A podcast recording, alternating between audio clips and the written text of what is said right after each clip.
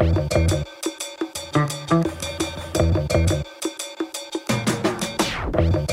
Kernuitstap gaat dan toch niet door. Twee kerncentrales in ons land zullen tien jaar langer open blijven. Tenminste als er een deal gevonden kan worden met uitbater Engie Electrabel. Zal dit ons nu redden van die afhankelijkheid van Rusland en van nog meer waanzinnige prijsstijgingen? En hoe veilig is dat eigenlijk, zo'n kernreactor tien jaar langer laten draaien dan eigenlijk het plan was? Dat laatste vragen we zo meteen aan het FANK, de nucleaire waakhond in ons land. Mijn naam is Dries Vermeulen. Dit is duidelijk. Duidelijk, de morgen. We hebben beslist als regering om de nodige stappen te zetten om ervoor te zorgen dat de twee kerncentrales met tien jaar kunnen verlengd worden. Het gaat over de centrale van Doel 4 en die van Tiange 3. Het tweede deel van de beslissing is een versnelde omslag naar hernieuwbare energie. Ik ben een tevreden minister van Energie omdat het plan uh, dat we hadden voorgelegd aan de regering eigenlijk in grote mate gevolgd is. Een zeer tevreden minister van Energie omdat we ons weerbaar kunnen maken voor de toekomst. We gaan investeren in de toekomst. En dat is vooral uh, voor uh, onze onafhankelijkheid en dus voor onze eigen veiligheid van belang. Bij mij aan tafel zit Jeroen van Horenbeek, energiespecialist bij De Morgen. Jeroen, we hebben het de laatste weken al heel veel gehad over energie. Er is dan ook veel over te vertellen. Ontzettend veel. Ja, um, ja bijvoorbeeld die kernuitstap, dat is uh, de voorbije maanden een beetje heen en weer gegaan of dat nu zou doorgaan of niet. Mm. Waarom is dat eigenlijk zo'n lastig debat? Die kernuitstap, oef, grote ja. zucht. Wat je eigenlijk altijd in je achterhoofd moet houden, is dat dat een beslissing is die genomen werd door de paarschone regering Verhofstadt 1 in 2003. Ja. Dus die is bijna twintig jaar oud, eigenlijk, die beslissing. En wat we gezien hebben doorheen de jaren, is dat opeenvolgende regeringen eigenlijk hopeloos op de sukkel zijn geweest met dat dossier. En dat er eigenlijk doorheen de jaren zelden of nooit consensus is geweest over gaan we dat nu doen of niet, die kernuitstap. Mm -hmm. En bijgevolg eigenlijk ook weinig of niet gewerkt is aan de alternatieven die dan nodig zijn. Want goed, die kerncentrales zorgen wel tot op vandaag voor een belangrijk deel van onze stroomproductie, dus daar moeten alternatieven voor zijn. En men heeft daar door de jaren heen veel te weinig werk van gemaakt. Waardoor dat eigenlijk de huidige regering, de regering De Croo, eigenlijk al start in een heel erg benarde situatie. Ja. En uh, ja, men heeft dat nu dan toch proberen een knoop in door te hakken. Ja, en die, de, het doorhakken van die knoop is de kernuitstap wordt uitgesteld.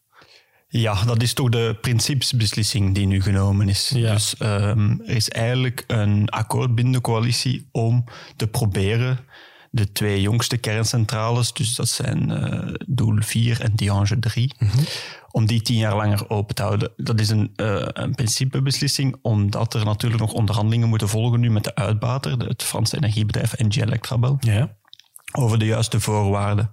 Vooral vanuit de groene partijen, die altijd voor de kernuitstap en de sluiting van de kerncentrales hebben geijverd, was dat een eis om eigenlijk geen blanco cheque te geven aan NG Electrabel, om toch te, te weten van, vooraleer we die kerncentrales langer open houden, wat hangt daaraan vast, mhm. financieel dan vooral? Doel 4 en Tihange 3 worden dus tien jaar langer normaal gezien opengehouden. Daar hangen ook nog een paar andere dingen aan vast. Hè. Wat is er vrijdag precies allemaal beslist? Ja, dat akkoord van vrijdag dat valt eigenlijk uiteen in drie brokken. Dus je hebt de, de, de mogelijke verlenging van de kerncentrales. Ja. Dan heb je eigenlijk een beslissing over de gesubsidieerde bouw van twee nieuwe gascentrales. Ja, dus toch die gascentrales. Ja, omdat uh, de inschatting was uh, dat de kerncentrales, die verlenging, dat wordt heel erg uh, moeilijk om dat rond te krijgen tegen 2025. Een beetje de deadline voor, voor de kernuitstap. Of althans het moment waarop er vijf van de zeven wellicht zullen sluiten. Mm -hmm. En dan heeft men toch maar gekozen om daar twee gascentrales extra te subsidiëren om toch zeker te zijn dat uh, de stroombevoorrading verzekerd is in de, in de winter van 2025 en de jaren daarna ook nog. En dan een derde deel is een investeringspakket van ongeveer 1,2 miljard in de energietransitie, zoals dat dan genoemd wordt. Ehm, dat is eigenlijk dus de uitbouw van hernieuwbare energie in ons land, om het kort te zeggen. Ja, windenergie, zonnepanelen, dat soort dingen. Ja, dat gaat dan bijvoorbeeld over de, een verlaagde BTW op zonnepanelen en op warmtepompen. Um, dat gaat over een verlenging van de verlaagde BTW op renovatie, op sloop en renovatie. Dat gaat over investeringen in uh, groene energie, hernieuwbare energie bij de NMBS. Mm Dus dat is een redelijk ruim pakket. Bijvoorbeeld waterstofinvesteringen zit daar ook in. Uh, om eigenlijk ja, die uitbouw van hernieuwbare energie in ons land, die ook nog altijd, zoals gezegd, dus achterop hinkt, om die toch eindelijk eens een boost te kunnen geven en om tegen 2025 en daarna richting, um, ik denk dat minister Van der Straten het had over 30% van de energiemix dan toch uh, hernieuwbaar te maken. We zitten vandaag denk ik ongeveer op 9%. Dus dat is wel, de hoop is althans om daar toch stevig vooruit te gaan de komende jaren.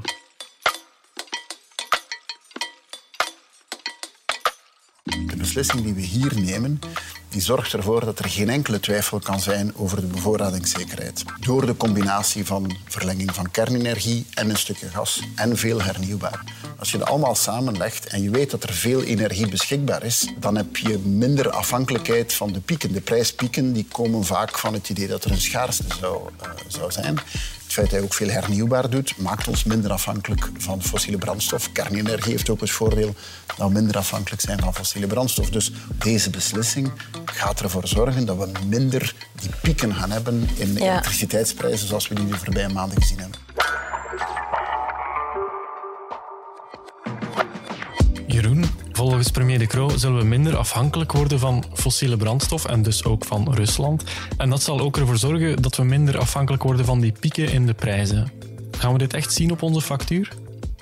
Op korte termijn denk ik het niet. Um, op korte termijn blijf je overgeleverd aan de, de energieprijzen zoals ze vandaag zijn. En, mhm. zo, en de markt zoals die vandaag is, zijn de toch voor een groot deel nog altijd afhankelijk van Rusland. Waar die investeringen wel een verschil kunnen maken, denk ik, is op langere termijn. Want natuurlijk, elke eenheid energie die je niet meer haalt uit gas of uit olie, maar die je zelf produceert in eigen land, ja, daar ben je ook niet afhankelijk van degene die die aardgas of die olie verkoopt. Ja.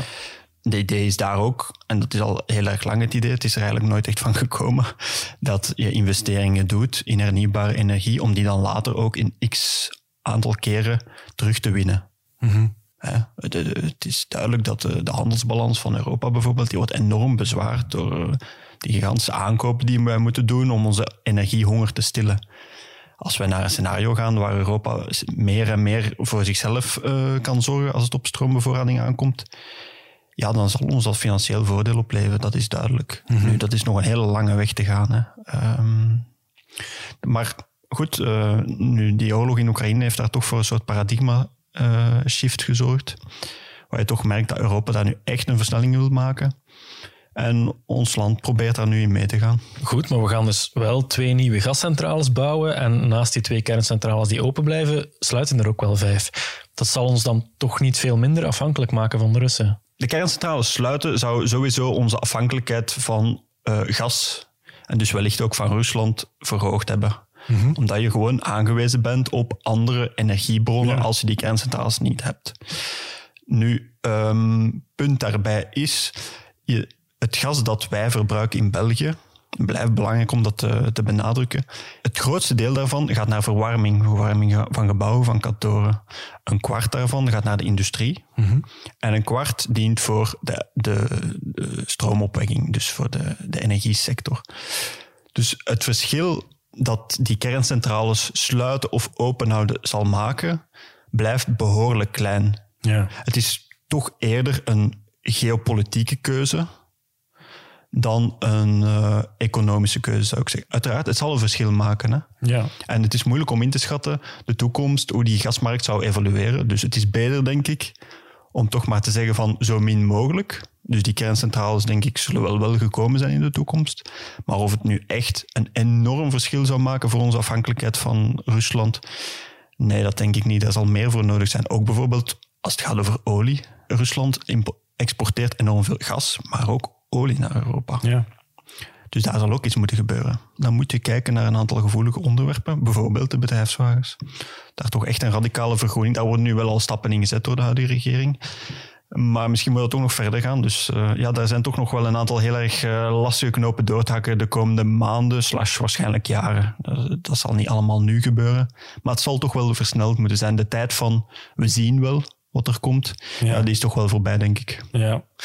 Ja, dus die twee kerncentrales langer open houden uh, na 2025. De politieke, het politieke akkoord is er, maar je zei het zelf al, dat zal ook nog afhangen of dat mogelijk is uh, van uitbater Engie Electrabel. Die zeggen eigenlijk al jaren die twee kernreactoren klaarmaken tegen 2025 voor tien jaar extra verlenging. Dat, dat halen we eigenlijk nooit.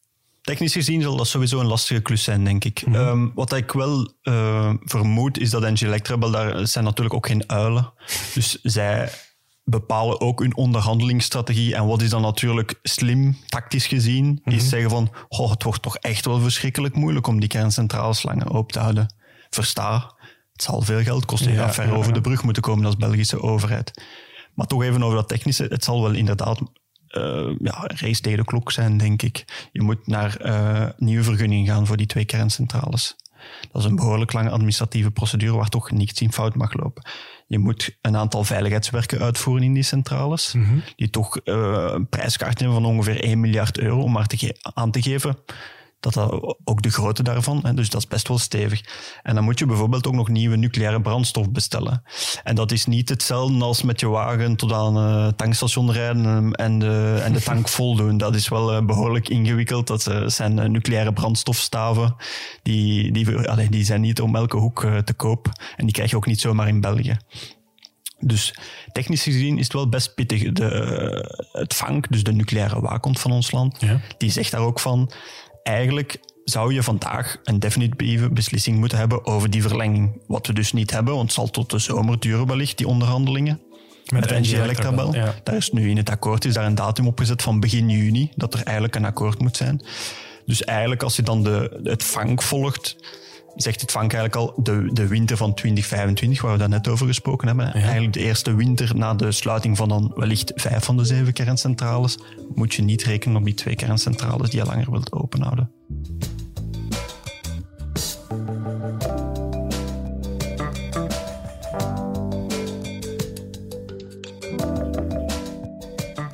Rest ons nog die andere vraag. Is het eigenlijk wel veilig om die twee kerncentrales zomaar langer open te houden? Het gaat hier om Doel 4 en Tiange 3. Dat zijn onze jongste of onze minst oude reactoren. Maar die zijn er op dit moment helemaal niet op voorzien om na 2025 nog eens 10 jaar mee te gaan. De regering had daarom een rapport gevraagd aan het FANC, het Federaal Agentschap voor Nucleaire Controle, dat waakt over de veiligheid van onze kerncentrales.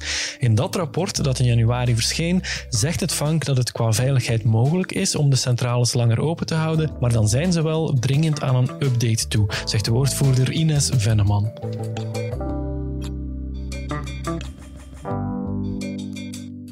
Kerncentrales, reactoren, die worden om de tien jaar sowieso opnieuw geëvalueerd. Mm -hmm. uh, om te gaan kijken of die op internationaal niveau nog voldoen aan de allernieuwste normen. Um, of zij nog de, uh, over de laatste snufjes beschikken, om het zo te zeggen. Um, nu, de werkzaamheden volgens uh, de wet die er vandaag is, moeten allemaal uitgevoerd worden tegen uh, 2025. Dus dan zou er een, uh, voor een, een doorstart zouden alle werkzaamheden moeten uitgevoerd zijn. Nu, um, in ons rapport van januari hebben wij bekeken of we dat op een of andere manier toch kunnen uh, versnellen, die procedure. Um, en dan zouden we het willen opdelen in noodzakelijke vereisten enerzijds mm -hmm. en in mogelijke aanpassingen anderzijds. Nu, het verschil is dat die noodzakelijke vereisten, ja, daar kunnen we niet onderuit. Dat zijn zaken die echt moeten aangepast worden uh, tegen uh, een, een, doorstartperiode. Uh, en dan gaat het bijvoorbeeld over bepaalde uitrusting ehm, tegen hittegolven bijvoorbeeld. Dus we merken door de klimaatverandering um, dat er ook steeds vaker hittegolven, overstromingen enzovoort plaatsvinden. Dus dat zijn zaken die in die analyse mee worden genomen. Um, dan hebben we de mogelijke aanpassingen en die moet je eigenlijk zien als bijvoorbeeld instrumenten die nu nog wel uh, goed zijn, die veilig uh, genoeg zijn, ja. um, maar waarvan er al nieuwe uh, zaken op de markt zijn die nog beter zijn. Dus als we dan kijken naar een verlenging van tien jaar, dan vinden wij wel als regulator dat je op termijn die zaken ook moet gaan implementeren. Maar dat zijn dus zaken die we eventueel kunnen toestaan om, om uitgevoerd te worden na 2025. Dus als de doorstart eigenlijk al um, begonnen is. Ja, nu de gewone leek, zoals ik bijvoorbeeld, die weet eigenlijk niet zo heel erg goed hoe een, hoe een kernreactor precies werkt. We weten wel dat als het fout gaat, dat het heel erg fout kan gaan. En als je dan hoort van ja, het, het wordt uh, versneld voorbereid en alleen de noodzakelijke dingen moeten gebeuren tegen 2025, ja, dat klinkt niet heel erg veilig. Of zie ik dat verkeerd? Wel, eigenlijk, um, de kernreactoren vandaag die zijn absoluut veilig. Hè? Anders zou het vank uh, niet toestaan dat die blijven draaien. Um, de nucleaire sector is de meest gereguleerde sector ter wereld. Mm -hmm. um, dus het, het gaat uh, over, over zaken die um, ja, bijvoorbeeld het vervangen van pompen enzovoort. Dus je moet dat niet zien als iets dat, um, uh, dat ze niet meer veilig zijn nu in 2025. Nee, het gaat erover dat ze moeten uh, volledig up-to-date blijven en voldoen aan de meest uh, moderne veiligheidsnormen die overal ter wereld gelden. Ja. Dus het is niet zo um, dat, het, dat het plots onveilig wordt. Uh, ik denk dat dat een beetje een, een, verkeerd beeld is. Het gaat ook over het verschil tussen impact en, en, en kansen. Dus um, inderdaad, het, het kan fout gaan, maar de zaken die nu vooral worden opgevolgd, dat, dat heeft betrekking op verouderingsbeheer. Hoe gaat de exploitant, NG Electrabel in dit geval, ervoor zorgen dat die installaties um, volledig up-to-date blijven, maar ook hoe gaan ze hun werknemers voorbereiden op de toekomst. Dus dat is ook iets wat wij opvolgen. Gaan ze genoeg competentie en kennisoverdracht uh, voorzien voor hun, uh, hun medewerkers? Uh, dus dat zijn allemaal zaken die daarin mee worden opgenomen. Ja, nu de uitbater NG Electrabel die zegt die twee reactoren tegen 2025 voorbereiden op nog eens tien jaar extra dienst, dat is eigenlijk onhaalbaar. Schat het vank dat anders in?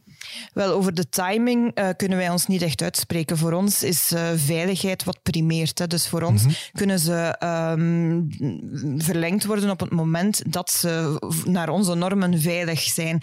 Um, nu, volgens ons rapport, uh, en vandaar dat ik zei dat die opsplitsing er is gekomen hè, tussen de noodzakelijke vereisten en de mogelijke aanpassingen. En dat was net met het oog op die timing um, die de regering ook, ook, ook wilde, dat we die hebben gedaan. Um, maar dan zou er natuurlijk wel een aanpassing van het uh, juridisch kader nog moeten gebeuren. Want zoals het nu in de wet staat, moeten alle werkzaamheden nog uitgevoerd worden tegen 2025. Ja. En dat zal inderdaad uh, heel moeilijk worden. Die twee reactoren die in dienst zouden blijven, dat zijn de twee jongste, want de, de, de kernreactoren in België hebben een beetje een verschillende leeftijd.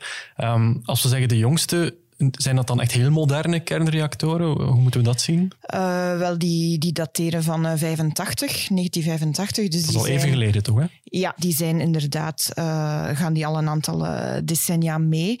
Um, nu, op zich zijn die vandaag nog altijd perfect veilig. En het voordeel is wel dat ze, hoewel ze niet zoveel jonger zijn dan de, de oudste, hebben ze toch qua design al een aantal belangrijke voordelen. Um, er zijn al bepaalde uitrustingen van bij het concept aanwezig, wat betekent dat de aanpassingen aan die reactoren wel uh, iets makkelijker zijn, om, uh, iets haalbaarder zijn, dan dat je die op die oudere generatie zou moeten toepassen. U zei daarnet, er is nog werk aan de winkel om die kerncentrales voor te bereiden op de effecten van de klimaatverandering, op extremer weer, op natuurrampen. Ja, dan zie ik al doemscenario's voor mij, als Fukushima bijvoorbeeld. Hoe reëel zijn de gevaren eigenlijk als die voorzorgen niet zouden worden genomen? Wel, met veiligheid is het altijd zo in elke industrie um, dat je niet kan stellen dat het risico nul is. Hè. Dat, dat bestaat niet. Maar zoals ik zei, het is de meest gereguleerde sector ter wereld. Dus er wordt echt wel alles aan gedaan om uh, daarop voorzien te zijn. En na Tsjernobyl en Fukushima zijn er belangrijke lessen getrokken naar nucleaire veiligheid en beveiliging. Dus dat zijn zaken die, um, die geïmplementeerd zijn de voorbije jaren. Dus na Fukushima uh, zijn er een aantal stresstesten gebeurd, waarbij mm -hmm. de centrales dus moesten uh, kunnen weerstaan aan bepaalde natuurfenomenen en combinaties van natuurfenomenen. En, en, en het is net daarom dat we om de tien jaar die veiligheid opnieuw gaan evalueren om ervoor te zorgen dat ze er nog altijd aan, uh, aan voldoen, aan die allernieuwste normen. Ja, dus eigenlijk mogen we daar wel gerust in zijn. Die twee reactoren hier in België, die kunnen dat perfect aan nog eens tien jaar blijven werken als uh, op voorwaarde dat de nodige updates worden uitgevoerd, zoals, uh, ja. zoals wij dat, uh, dat vragen. Mm -hmm. Daarnaast hebben we ook nog vijf andere reactoren die dan vanaf 2025 zouden worden ontmanteld. Ook dat is een grote onderneming, hè, want daar komt heel wat bij kijken. Er is ook veel nucleair afval dat dan verwerkt moet worden en zo. Zitten daar ook uh, risico of, of, veiligheidsrisico's aan? Uh, wel, het is sowieso voor het uh, vang zal het een, een, grote uitdaging worden om enerzijds dan het project van de verlenging van twee reactoren op te volgen en anderzijds de ontmanteling van de andere reactoren. Nu, ontmanteling is natuurlijk iets wat niet onmiddellijk start, um, want voorlopig blijven die reactoren ook nog onder hun uh, huidige vergunning, dus eigenlijk hun gewone uitbatingsvergunning werken, mm -hmm. omdat ze daar in de eerste jaren geen acties gaan uitvoeren die uh, anders zijn dan, dan wat ze gewoon zijn tijdens de uitbating. Um, daarmee bedoel ik dus de, de, de, de splijtstof wordt dan uit de reactor gehaald enzovoort en wordt gekoeld uh, op site. Um, maar dat zijn zaken waar de uitbater al ervaring mee heeft. Het is pas na ongeveer vijf jaar dat ze echt naar een ontmantelingsvergunning overgaan en dat er echt ontmantelingswerkzaamheden gaan, uh, gaan plaatsvinden. Ja. Um, en eigenlijk um, wat er zich bevindt op een, op een nucleaire site, slechts 3 à 4 procent van dat afval is radioactief afval. Oh ja. Al de rest is eigenlijk puur industrieel afval, zoals bij een andere um, ontmanteling van, van, een, van een fabriek bijvoorbeeld. Maar nogmaals, omdat we in zo'n zodanig gereguleerde sector zitten, komen daar een aantal aspecten wel bij. en eigenlijk um, is het vooral in het begin van de ontmanteling dat de, de, um, ja, de grootste componenten worden weggehaald en eigenlijk daalt het nucleaire risico dan al heel snel. -hmm. Eigenlijk ging de kernuitstap volledig zijn in 2025. We gingen stoppen met kernenergie in België. Dat is nu een beetje veranderd, dat plan, onder meer door de oorlog in Oekraïne. Is kernenergie in ons land sowieso een eindig verhaal? Is dat iets dat binnen 20, 30 jaar, waar we gewoon volledig van zullen afstappen, denkt u? Goh, dat is niet de rol van het vank om daarover te oordelen. Um, wij zijn de regulator, dus zolang er gebruik wordt gemaakt van kernenergie, maar ook andere nucleaire toepassingen, hè, ook in de medische sector enzovoort, mm -hmm. dat dat stijgt nog. Dus ik denk dat we daar sowieso uh, nog een belangrijke rol te spelen hebben in de toekomst.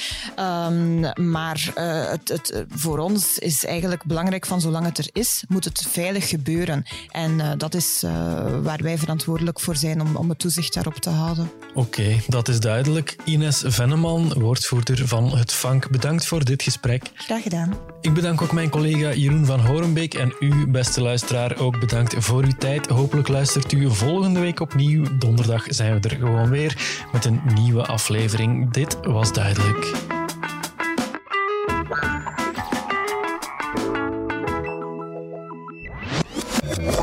Duidelijk, de morgen.